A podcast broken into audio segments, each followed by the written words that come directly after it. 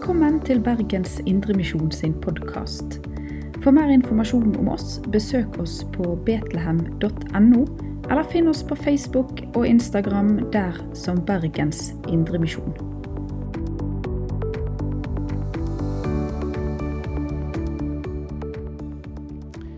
Gode Herre Jesus Kristus. Takk for at du har satt oss inn i barnekåret. Takk for at du har gitt oss retten til å være Guds barn, og at vi får leve der, Herre, med hele oss, og leve under din nåde og ditt nådige blikk. Takk for forsoningen som gjelder natt og dag. Takk for vi får ikledd din rettferdighet. Takk, Jesus, at ved troen på deg så eier vi samfunn med den levende Gud og med hverandre. Og La oss få se nå hva det betyr for oss i praksis, i forsamlingen, fellesskapet vi har og de relasjonene vi har til hverandre, slik at du kunne få lov å være der og gjøre din gjerning gjennom oss, og at vi kunne ta imot hverandre, og at nye kunne bli trukket inn i fellesskapet. Herre, vi ber i ditt navn, kom til oss nå, åpne våre hjerter, du, ved ditt ord og Din hellige ånd, og gi oss den enkelte det vi trenger til. Amen.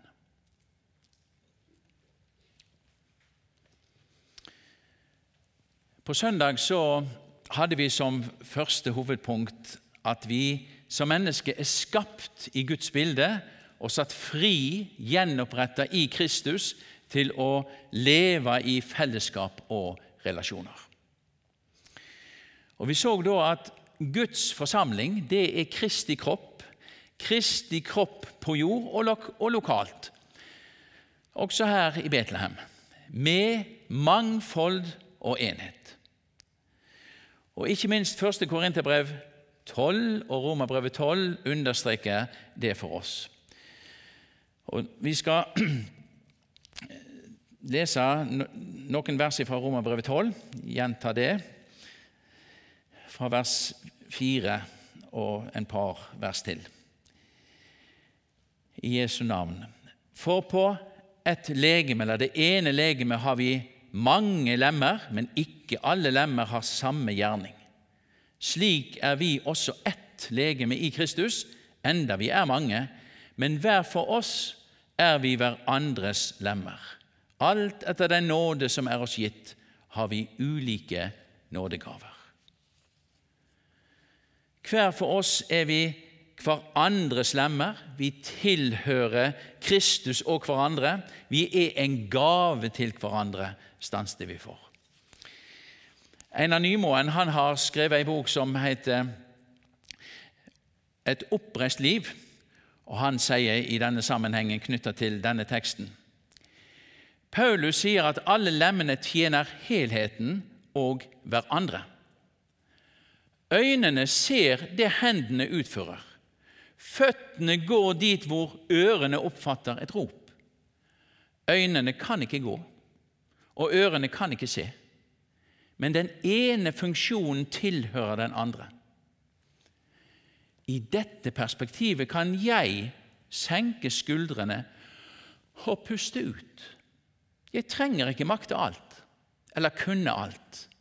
De andres ressurser tilhører meg, og mine gaver, krefter og ressurser hører en annen til. Man kan rette ryggen av slikt. Og Vera Sæther har skrevet et dikt som heter 'Elske grensene'. Og så sier hun der Hvem takker for at et annet lem på legemet kan det han ikke kan? Det er vel velsignelsen, at vi fyller hverandre ut. Én er øye, én rygg og en annen fot.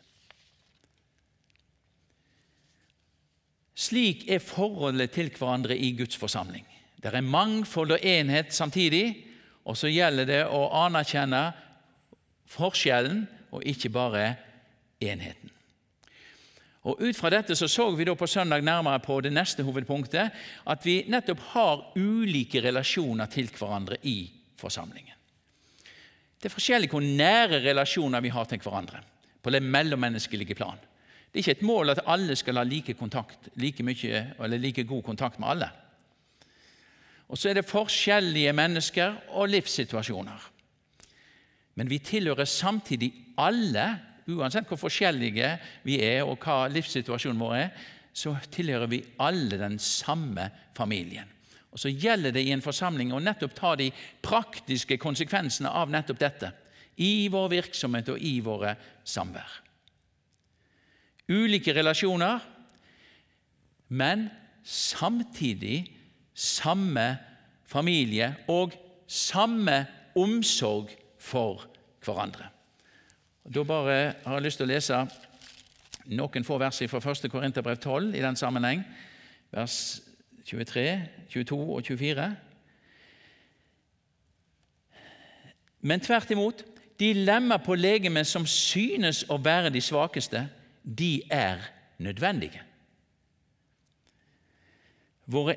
Men Gud satte legemet slik sammen at han gav det ringeste størst ære, for at det ikke skal være splittelse i legemet, men lemmene har samme omsorg for hverandre. Om ett lem lider, da lider alle lemmene med, og om ett lem blir hedret, da gleder alle lemmene seg med.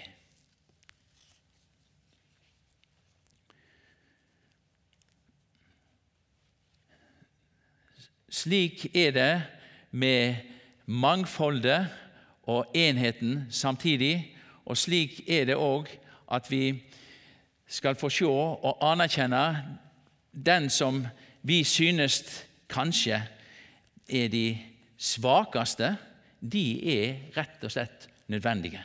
For de har en særlig betydning for å, at omsorgen blir satt i sving, og at alle lemmene har samme omsorg for hverandre.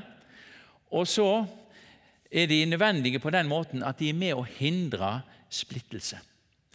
Det er ikke noe poeng verken å være best eller størst når Gud gir det ringeste størst ære. Og Slik skal vi derfor få lov å ta imot hverandre og ta oss av hverandre, som det står i Romerbrevet 15, vers 7. Det kan oversettes på begge måter, og begge deler klinger med samtidig. Å få ta oss av hverandre på den måten at vi tar imot hverandre. Deler, letter byrdene for hverandre. Møter hverandre med anerkjennelse, respekt, bekreftelse, likeverd i all ulikhet. Ikke avvise, ikke nedvurdere, ikke tolke eller svare negativt. Bebreide unngå eller trekke seg tilbake, og ikke kontrollere. Og Da er vi over i det som vi skal gå inn på videre i dag, og som da blir det tredje hovedpunktet. For opplevelsen og erfaringen vår er stundom slik at vi opplever at det er en del slike negative relasjoner i fellesskapet. Hvordan skal vi da forholde oss til det?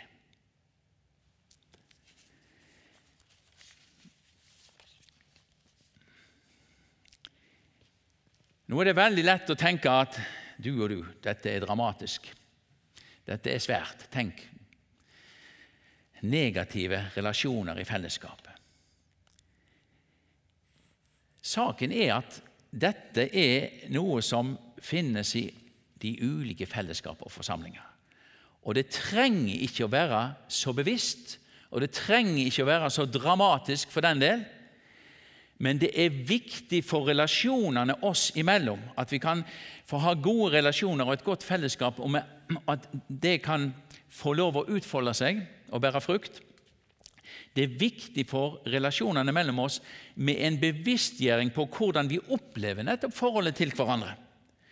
For da har vi muligheten til å ta tak i det, ta det opp og gjøre noe med det. Men hvis det hele tiden bare ligger der som noe som ikke blir snakket om, som noe som blir skjult, men som bare gjør seg gjeldende, så er det destruktivt og ødeleggende i relasjonene i fellesskapet.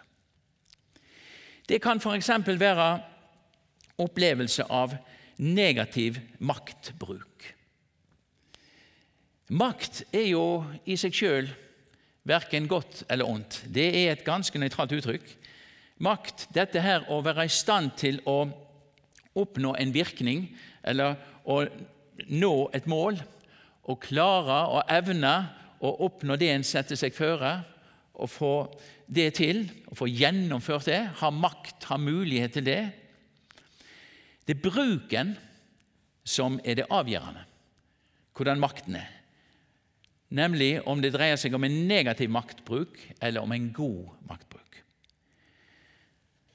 Og Det er nok slik at en del vil opplevelse av negativ maktbruk og manipulering gjør seg gjeldende i enhver forsamling, faktisk.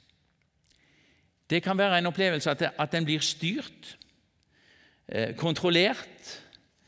Eh, det er noen som vil føre en i en bestemt retning, og så kan en virke truende på den måten, både ut ifra den personen en er, og ut ifra den posisjonen en har, er, eller ved å stille noen betingelser. At ja, hvis du virkelig mener det alvor med en kristendom, så og så kommer en da med et eller annet som en skal ha den andre med på. Eller at en smigrer seg inn. Det ligger masse manipulering i smiger nettopp for å få bevege den andre i den retningen som en ønsker. Forsamlingskulturen kan òg være en makt. At en hele tiden må innrette seg etter det for at det skal være greit å være sammen. Og svakhet. Det ligger masse makt i svakhet. At alle må innrette seg etter den og den fordi Sånn er det gjerne i en familie. At en må gå på tå. Hysj, vær stille til ungene. 'Nå sover han middag', eller 'mor er sjuk', eller Ja, det er viktig å ta hensyn. Det er viktig at den som har begrensning og svakhet og har det vanskelig, blir ivaretatt og blir møtt med omsorg. Men det kan gå over i det at det blir styrende for alt hva en kan foreta seg og ikke foreta seg.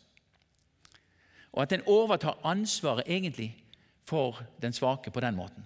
Og så blir det styrende. Noe av den verste maktbruken en kan oppleve, det er den åndeliggjorte maktbruken. Der en altså gir en åndelig autoritet. En trekker Gud og Bibelen inn i bildet til det som en vil fremme, det som en vil ha igjennom, en åndeliggjøring av manipuleringen av maktbruken. Og Her fins det mange og ulike grader av dette. Nå ble jeg virkelig skuffa over deg. Du som alltid er så velvillig. Du kan ikke mene dette hvis du får tenkt deg om så. En ganske sterk manipulering. Og Hvis en da knytter et bibelord til altså, vi er jo hverandres lemmer. Vi skal jo tjene hverandre. Og så kan du ikke engang 'Dette hadde jeg ikke venta av deg'.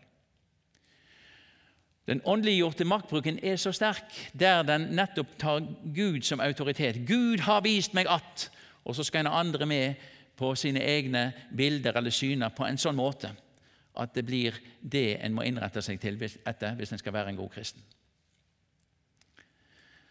Og så kan det nettopp være å tar Guds ord òg ut ifra sin sammenheng og bruker det ut ifra hva en sjøl vil oppnå, og få egentlig bryt, andre til å bryte med Guds ord på den måten.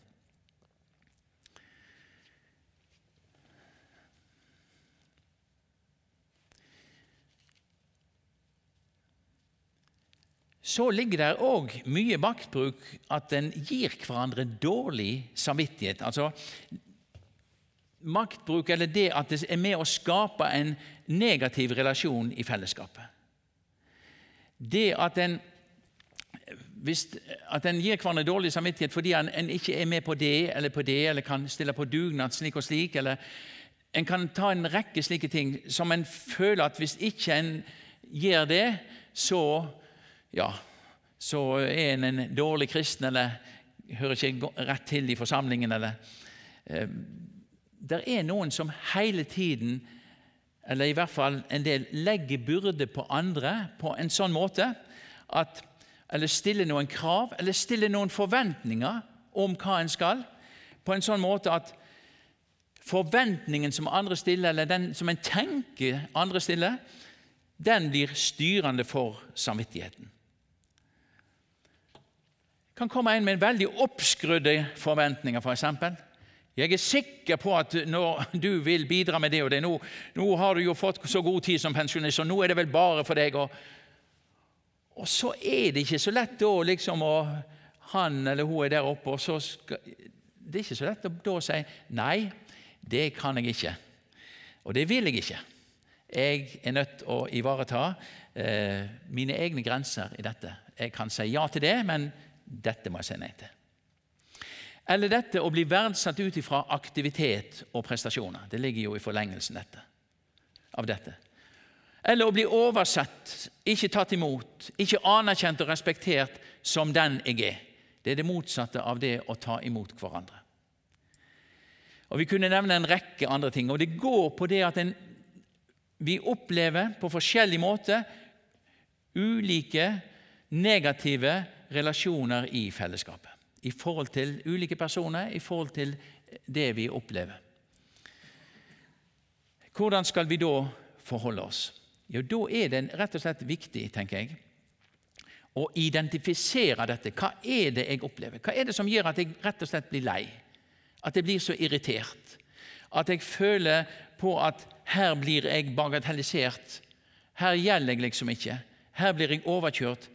Her er det andre som styrer eller har en sånn innflytelse at det blir vanskelig å være seg sjøl eller stå for det som en egentlig mener. Det er noe med å få identifisere og bevisstgjøre og bli bevisst på hvordan vi opplever forholdet til de andre i forsamlingen, i fellesskapet. Forholdet til hverandre. Da er det mulig å gjøre noe med det. Å ta tak i det og snakke om det. Ehm, hva er det som skal styre min samvittighet? Er det det å oppfylle andres forventninger og ønsker? Er det det å ikke skuffe andre? Eller er det rett og slett det at jeg har et gudgitt forvalteransvar i forhold til mine egne grenser og mine egne krefter. Hva er det som gir meg verdi? Er det det at jeg er med på så og så mye, eller er det en tildelt, gudgitt verdi som jeg har, enten jeg er sterk eller svak, orker eller ikke orker, og som er der hele tiden? Det er noe med at vi kan fremme det som nettopp bekrefter oss som både menneske og som Guds barn, og med de gavene vi har, og de, det vi er. Og Da er vi nettopp over i det neste hovedpunktet, om at gode relasjoner Det er da relasjoner som er preget av gjensidig omsorg. De er preget av tydelighet, og de er preget av sunne grenser. Tydelighet som innebærer ærlighet, oppriktighet, sannhet. Gode relasjoner er relasjoner som er preget av dette. Gjensidig omsorg, tydelighet og sunne grenser.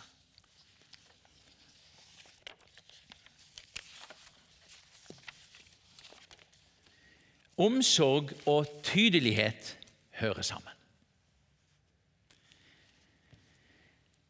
Det står i Efeserbrevet 4.: Sannheten tro i kjærlighet skal vi i alle måter vokse opp til Ham som har hodet, Kristus. Ved Ham blir hele legemet sammenføyd og holdt sammen med hvert støttende bånd, alt etter den virksomhet som er tilmålt hver enkelt del. Og slik vokser det sin vekst som legeme til sin oppbyggelse i kjærlighet. Sannheten tro i kjærlighet. Omsorg og tydelighet.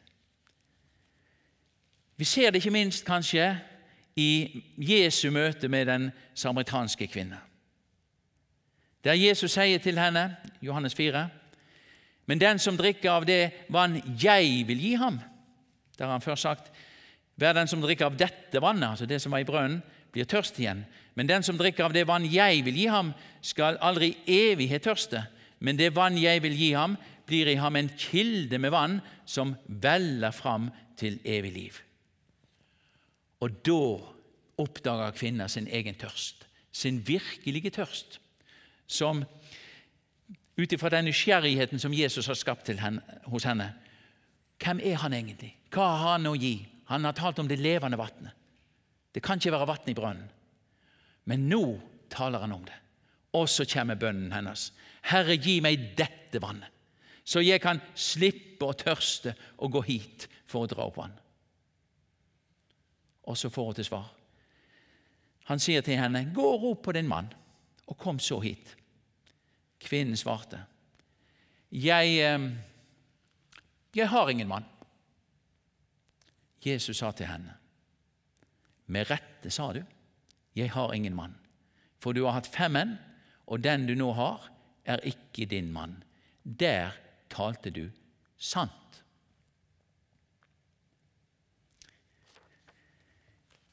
Det er konfrontasjon uten skampåføring.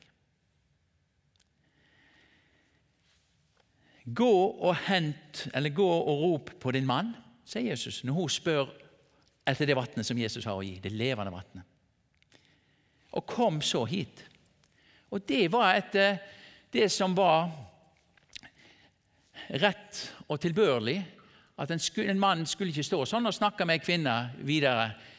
Da skulle mannen bringes inn i bildet, og så kunne de fortsette sammen. Og så svarer kvinner på dette. Jeg har ingen mann. Har ingen mann? Står du her og lyver meg rett opp i ansiktet? Nei, det sa ikke Jesus. Han sa 'med rette', sa du. Det er anerkjennelse og bekreftelse. Du sa noe rett. Med rette sa du 'jeg har ingen mann'. Og så går han videre. Så hjelper han henne med de vanskelige ordene som hun ikke kunne si, eller måtte sitte skrekkelig langt inne for henne og si. Det sier han nå til henne. Ikke for å ta henne, men nettopp for å hjelpe henne. For å åpne opp for henne, så hun kunne drikke av kilden med det levende vannet. Mot all synd og urenhet. Jesus sa, for du har hatt fem menn og den du nå har, er ikke din mann.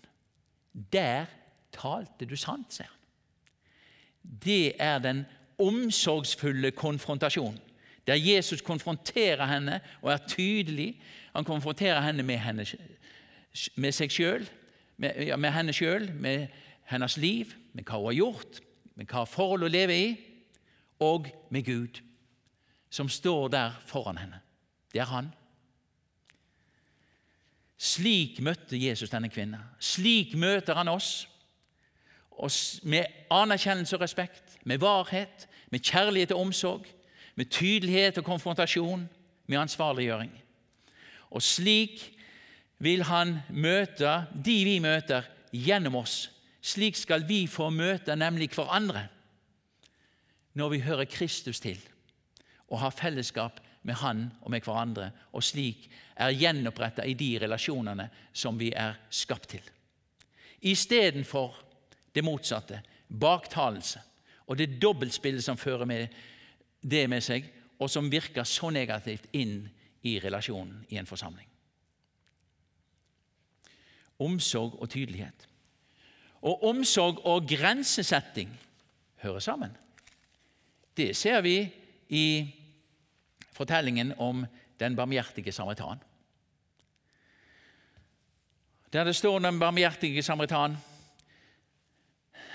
Og da han så ham, altså han som lå halvdød der i veigrøfta, Lukas 10, fikk han inderlig medynk. Og det er egentlig et uttrykk for den kjærligheten som bare Gud har, og som vi møter i Jesus. Det er et uttrykk som blir brukt nettopp bare om Jesus og om Gud og, og Han gikk bort til ham. Det ble ikke bare med ordene, men det skjedde i handling. Han gikk bort til ham og forbandt sårene hans og helte olje og vin i dem. Og så løfta han han opp på eselet sitt, og så løfter han eselet opp på skuldrene sine, og så Nei, han gjorde jo ikke det. Det var jo altfor tungt. Først, Mannen var jo altfor tung. Han hadde et, et dyr, antageligvis et esel, som kunne bære han. Og som førte han da til dette herreberget. Han sjøl hadde et oppdrag som han måtte gjennomføre, tydeligvis. Han hadde omsorg for denne forkomne stakkaren og sørga for, ut ifra det han hadde å gi, og de ressursene han hadde, og de mulighetene han hadde, til å sørge for at han pleie, ga han eh, to dinarer, som vel kunne bære nok for mat og opphold og omsorg en to-tre uker. Og er det mer å legge ut, ja, så skal han få det når han kommer tilbake. Men han bar ikke mannen på skuldrene sine, og heller ikke eselet.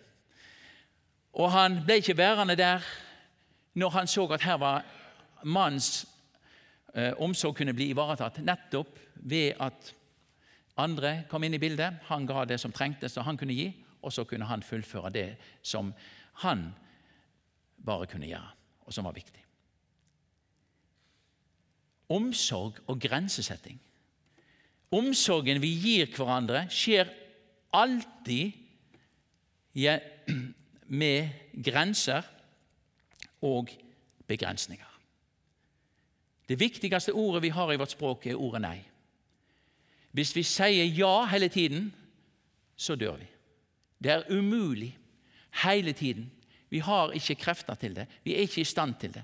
Hele tiden å oppfylle andres forventninger, hele tiden å gjøre mer, hele tiden å bruke seg sjøl som salderingspost fordi vi skal. Vi blir aldri ferdig. Og vi ødelegger oss sjøl på den måten at vi strekker oss slik at vi får strekke oss.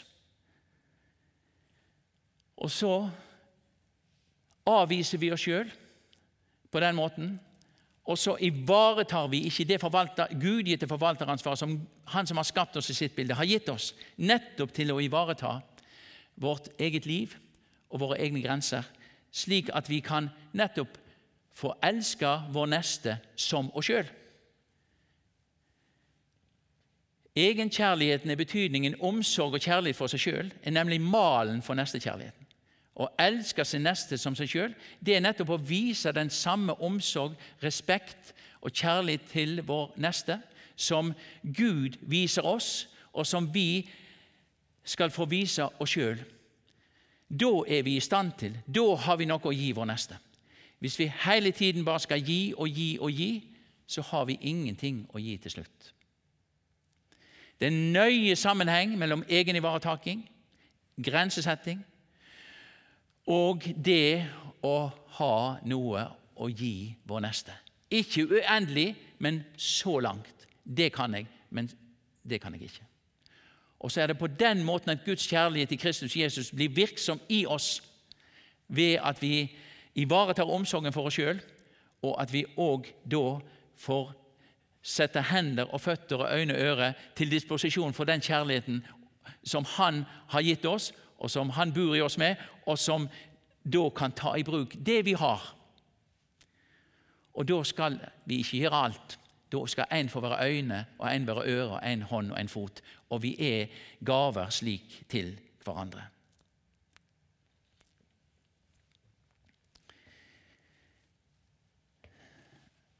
Og Så gjelder det å, i dette å anerkjenne og, og seg sjøl som den en faktisk er. Og Ellers så vil vi forstrekke oss med veldig dårlig samvittighet. Og vi kan bli overansvarlige og på den måten frata andre ansvar for eget liv. Men det gjelder om å anerkjenne og respektere hverandre, også hverandres reaksjoner, uten å la oss styre av dem. Det er noen som er så opptatt med at den andre ikke må bli sint eller bli fornærma eller bli skuffa. Og Det er jo forferdelig kjedelig og en påkjenning når noen blir skuffa. Men jeg skal få lov å anerkjenne deres reaksjon. Jeg skal få lov å gi, anerkjenne retten de har til å få reagere. Men det er ikke mitt ansvar å innrette meg etter den reaksjonen. Det er ikke den reaksjonen som skal styre min atferd. Når jeg sier nei, det kan jeg ikke være med på, eller jeg, jeg, jeg eh, ikke jeg, eh, Nei, jeg kan ikke bake den kaka. Eh, eller jeg er ikke i stand til det, jeg kan ikke stille opp på det. Så er det ut ifra mine grenser, ut ifra jeg vet at det er nok med det jeg har. Jeg kan ikke det nå. Og jeg, hvis jeg ikke skal gå utover, hvis jeg skal respektere meg sjøl. Og så kan den andre vise sin skuffelse at du stiller jo alltid opp. Vi hører jo aldri nei i din munn. Og så kan jeg for å ivareta mitt gode image i forsamlingen nettopp gjøre det. Og la meg styre av andres forventninger, eller at ikke andre må bli skuffa. Så tar jeg ansvar for at andre ikke skal bli skuffa, og så blir det det som styrer samvittigheten. Og så får jeg dårlig samvittighet hvis jeg skuffer andre, og så får jeg dårlig samvittighet hvis jeg oppfyller andres forventninger, for da avviser jeg meg sjøl. Og det er ikke noe godt. Men det å få lov å anerkjenne og respektere de andre sine reaksjoner og si at ja, det er vondt at du, dette her, jeg skjønner at dette er leit for deg og vondt at du skulle bli skuffa nå, likevel, jeg må nok holde fast på det jeg har sagt. Da kan vi forholde oss til hverandre på en god måte, respektere hverandre, og vi kan ta hverandre på alvor. Og vi kan ta et ja for et ja og et nei for et nei. Og Det gir en trygghet å få ha det slik sammen.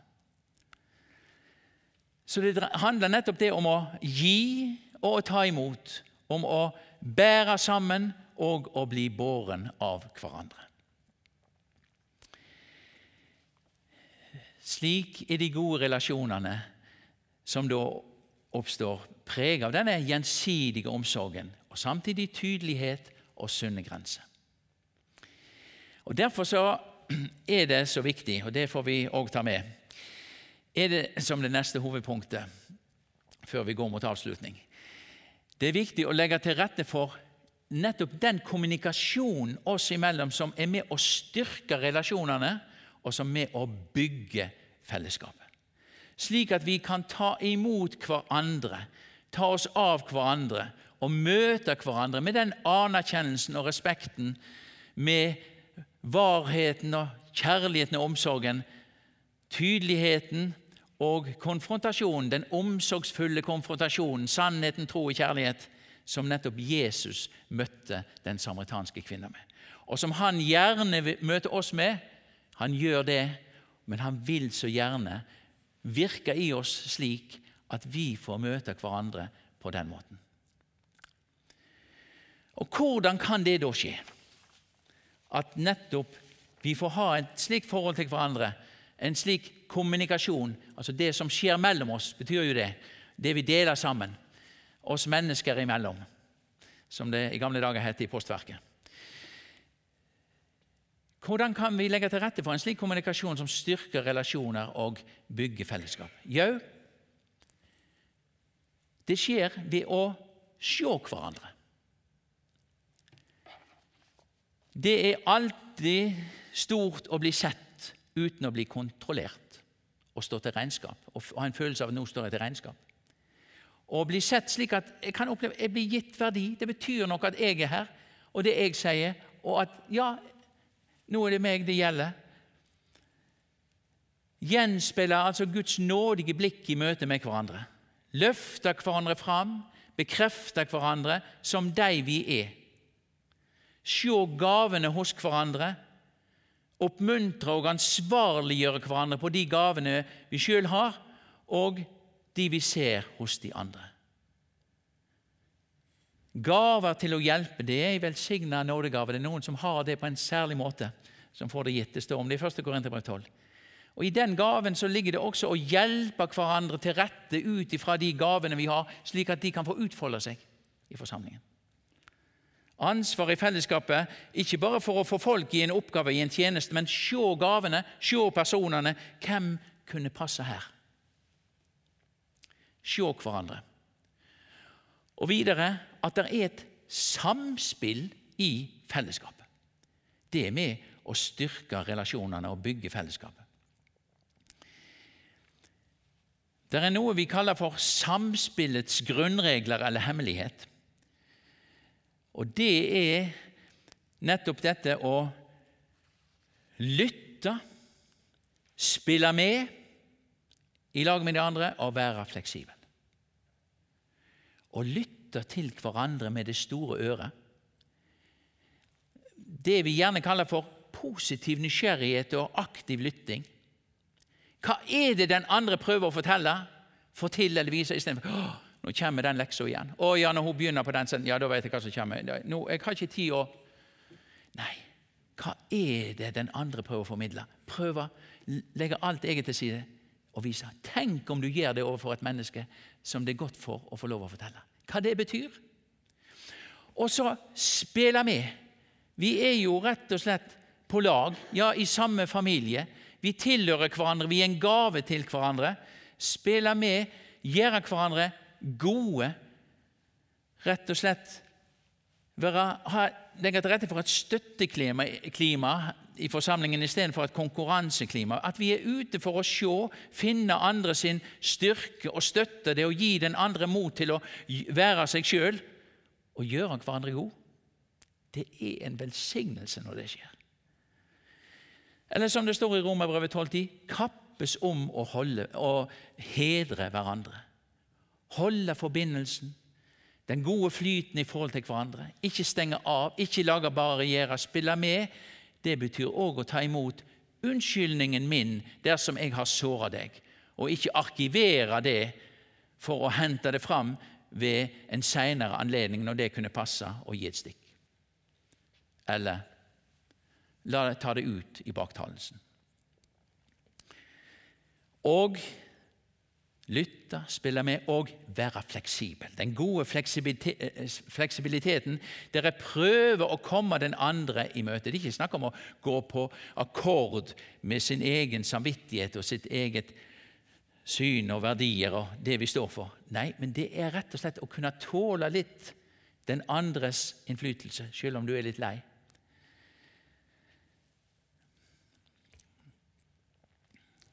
Da skjer nettopp det at vi tar i bruk den gode maktbruken. Den gode maktbruken er nettopp det stikk motsatte av den negative maktbruken som vi, start, som vi snakket en del om, når det blir opplevelse av negative relasjoner. Bruke makten som vi har til, i forhold til hverandre, til å tjene. Og Det innebærer at jeg med det jeg har, kan prøve å gi makt til, oppmuntre, tilskynde, ikke ha makt over, manipulere og skulle få et menneske i min vei, og til å oppfylle det som jeg nå mener jeg, jeg har rett til å forvente. Men hva makt har du da? Jeg har jo ingen makt. Jo visst har du makt, mer enn du tror. Alle har vi makt. Alle har vi noe som vi kan bruke og gi til andre. Vi har noen muligheter, vi har noen gaver. Vi har fått noen ord, vi har øyne og ører. Vi har noe vi rår over, som vi kan bruke til å bygge opp, til å være med og skape selvtillit hos andre. At de kan rett og slett oppdage at de òg har noe som de kan få ta i bruk og bruke. Bruke makten vi har i forhold til hverandre, til nettopp å tjene. Det er som det står i en sang som vi muligens skal synge senere. Gå omkring i Jesu navn, hjelpe, trøste, stille savn. Vise medynk, tørre tårer, lege alt som hjertet sårer. Virke sådan i det stille, det var det jeg gjerne ville. Kjærlighet oppfinnsom gjør. Gud vil åpne meg en dør. Med en glad vil jeg meg glede, med en sorgfull vil jeg grete. Mulighetene er utallige, egentlig. Men å få ha den innstillingen som Jesus sier, og altså at den som vil være stor iblant dere, han skal tjene de andre. Og så, like som menneskesønnen er kommet for, ikke for å la seg tjene, men for selv å tjene og gi sitt liv til en løsepenge for mange. Og så skal vi få bruke vårt liv nettopp til å la denne kjærligheten få utløp på den måten. Og i dette, så rent praktisk, da når en skal bruke det vi har, den makten vi har i forhold til hverandre, den gode maktbruken, så kommer nettopp den positive nysgjerrigheten inn, og den aktive lyttingen. At når jeg møter et annet menneske, så, så nullstiller jeg egne forventninger og meninger. Istedenfor å tenke 'hva skal jeg svare nå', eller, eller mm, og det er så om å gjøre Han er jo på villspor. Så har jeg lytter jeg med munnen full, og så lytter jeg ikke slik at jeg tar imot det som kommer, og kan gå inn i det. Positiv nysgjerrighet og aktiv lytting det innebærer en anerkjennende kommunikasjon. Anerkjenner den andres rett til å tenke, mene, føle det han hun føler, uten at jeg trenger å være enig eller oppleve det på samme måten. Og så humoren, folkens. Den er jo så viktig oss imellom. Og den styrker relasjoner og bygger fellesskap. At vi ler av hverandre, nei. Men at vi kan le sammen. Og at vi kan gjerne se det komiske i en situasjon som er så alvorlig, og som tar så mange krefter, og midt i gravalvoret, hva det gjør å få se komikken i noe. Og hvor befriende det er. Og det er akkurat som vi kan lette noen byrder og gå videre. Og så være ærlige og snakke ut ifra seg sjøl. Snakke sant uten nedvurdering snakke sant uten å måtte alltid si alt, men at det jeg sier, er sant. Hvis vi skulle samle dette nå på tampen, som vi har delt disse dagene, så kan vi si at det det handler om, det er å se den andre med mine øyne og med Guds hjerte. Og Det er egentlig det vi kaller for den gode sirkelen.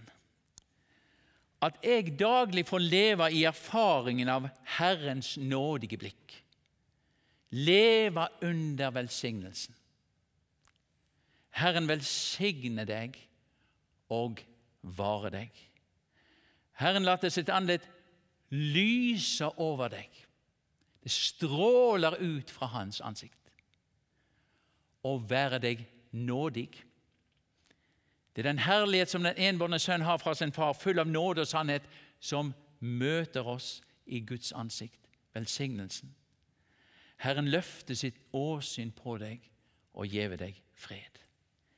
Erfare det ved nettopp å la Herren få legge denne velsignelsen over oss gjennom sitt ord, gjennom når vi trer fram for nådens trone, gjennom andre mennesker, og så gjør det noe med oss. For det betyr at da kan jeg gjennom Herrens nådige blikk anerkjenne meg sjøl som et sant menneske, elska av Gud. Med hele meg, overfor Gud, frarekna hele min syndige natur og alt det det innebærer med alle sine utslag, og være tilrekna Jesu rettferdighet og hellighet. Og samtidig være gjenstand for hele hans kjærlighet med hele meg, og få leve ut et liv som Han virker i meg, på tross av min syndige natur, som aldri blir bedre. Men det er kommet et nytt liv til. Nådens liv.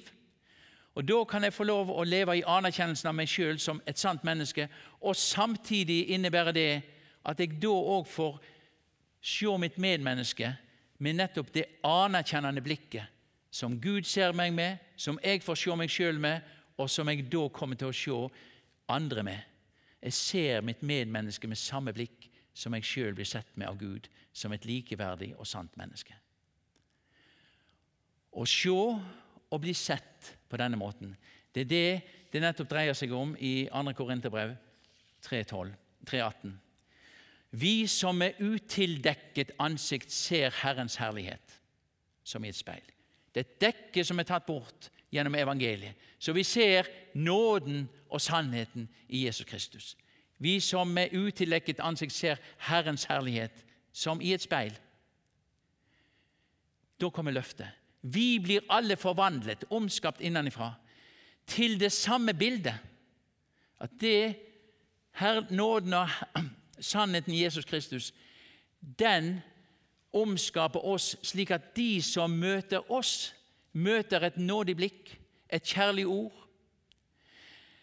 en omsorgsfull handling, et lyttende øre. Vi blir alle forvandlet til det samme bildet, fra herlighet til herlighet, som av Herrens ånd. Og så står det i 2. Korinterbrev 4. Det er for Gud som bød at lys skulle skinne fram i mørket. Han har også latt lyset skinne i våre hjerter for at kunnskapen om Guds herlighet i Jesu Kristi åsyn skulle stråle fram. Men vi har denne skatt i leirkar for at den rike kraft skulle være, ikke være av oss selv, men av Gud.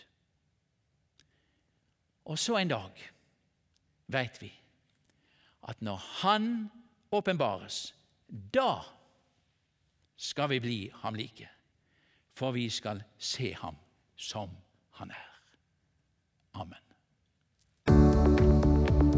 Du har lytta til Bergens Indremisjon sin podkast. For mer informasjon om oss, besøk oss på betlehem.no, eller finn oss på Facebook og Instagram der som Bergens Indremisjon.